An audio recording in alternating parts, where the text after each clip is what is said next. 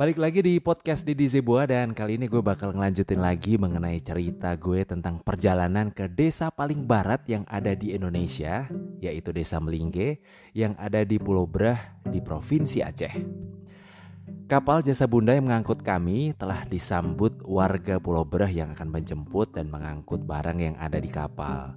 Karena memang kapal jasa bunda ini tidak hanya mengangkut orang ya, tapi juga banyak banget barang-barang yang diangkut di situ.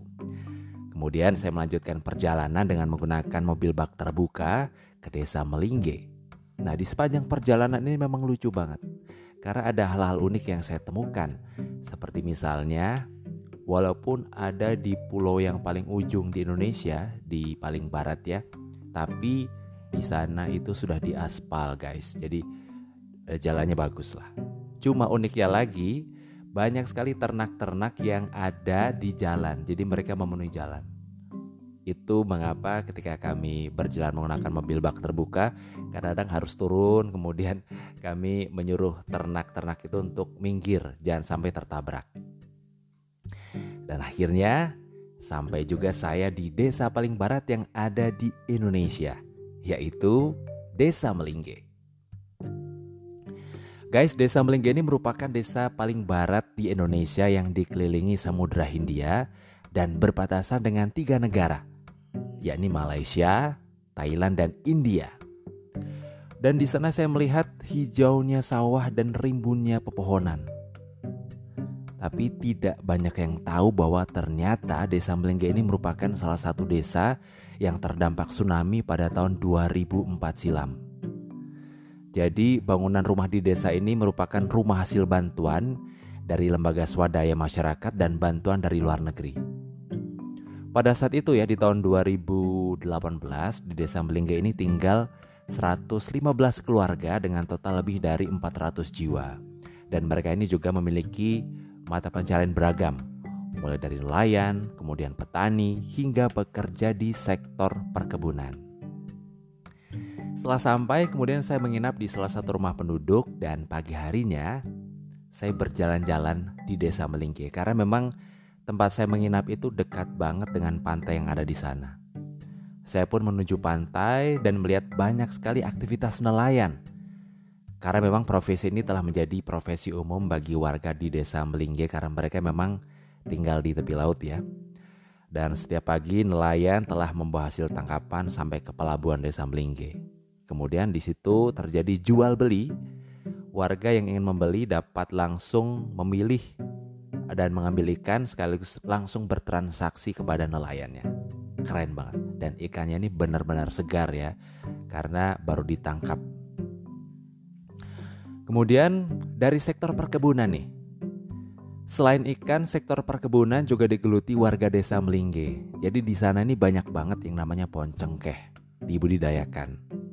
Nantinya pohon akan menghasilkan bunga cengkeh yang digunakan sebagai bumbu masakan pedas, kemudian juga untuk uh, bahan rokok kretek.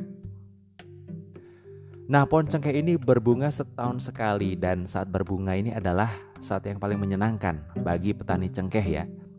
Di situ saya berkenalan dengan seorang petani cengkeh bernama Ibrahim. Jadi waktu itu dia berumur 38 tahun ya. Jadi kalau sekarang sudah tahun 2020 berarti dia sudah berumur 40 tahun lah kira-kira gitu.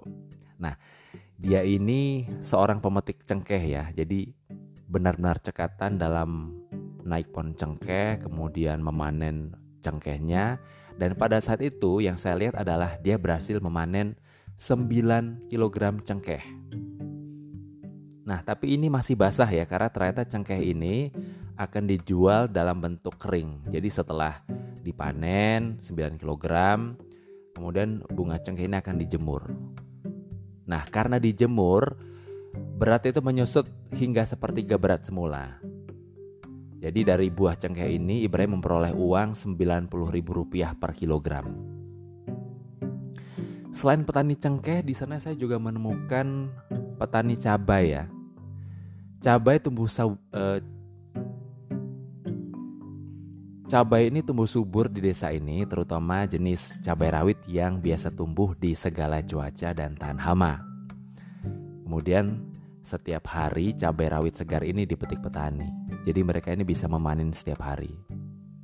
Setelah tiga bulan ditanam, tanaman cabai ini bisa dipanen. Kemudian merawatnya juga relatif mudah ya. Cuma waktu itu ketika saya berbincang-bincang dengan para petani cabai, eh, mereka berkeluh kesah mengenai bagaimana susahnya untuk mendapatkan pupuk di sana.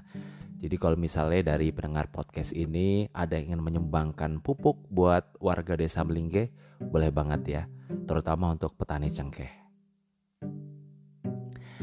Selain petani, saya juga menemukan sebuah hobi yang unik di sana yaitu anak-anak yang hobinya mencari gurita.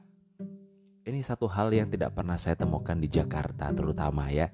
Ketika anak-anak uh, dengan seringnya bermain gadget, mereka lebih suka bermain game. Nah, anak-anak di Desa Melingga ini punya hobi yang berbeda yaitu pencari gurita. Nah, pencari gurita ini tidak hanya sekedar hobi ya karena ternyata mereka kalau dapat juga akan dijual dan menambah uang saku. Pada waktu itu saya melihat bagaimana tangkasnya mereka menangkap gurita di sela-sela karang yang ada di desa Melingge. Dan itu luar biasa, bagus banget pemandangannya. Well, itu tadi pengalaman gue di desa Melingge dan masih banyak lagi pengalaman yang bakal gue share ke kalian. Jadi tetap stay tune terus di podcast untuk menunggu episode terbarunya. Oke, okay? see ya!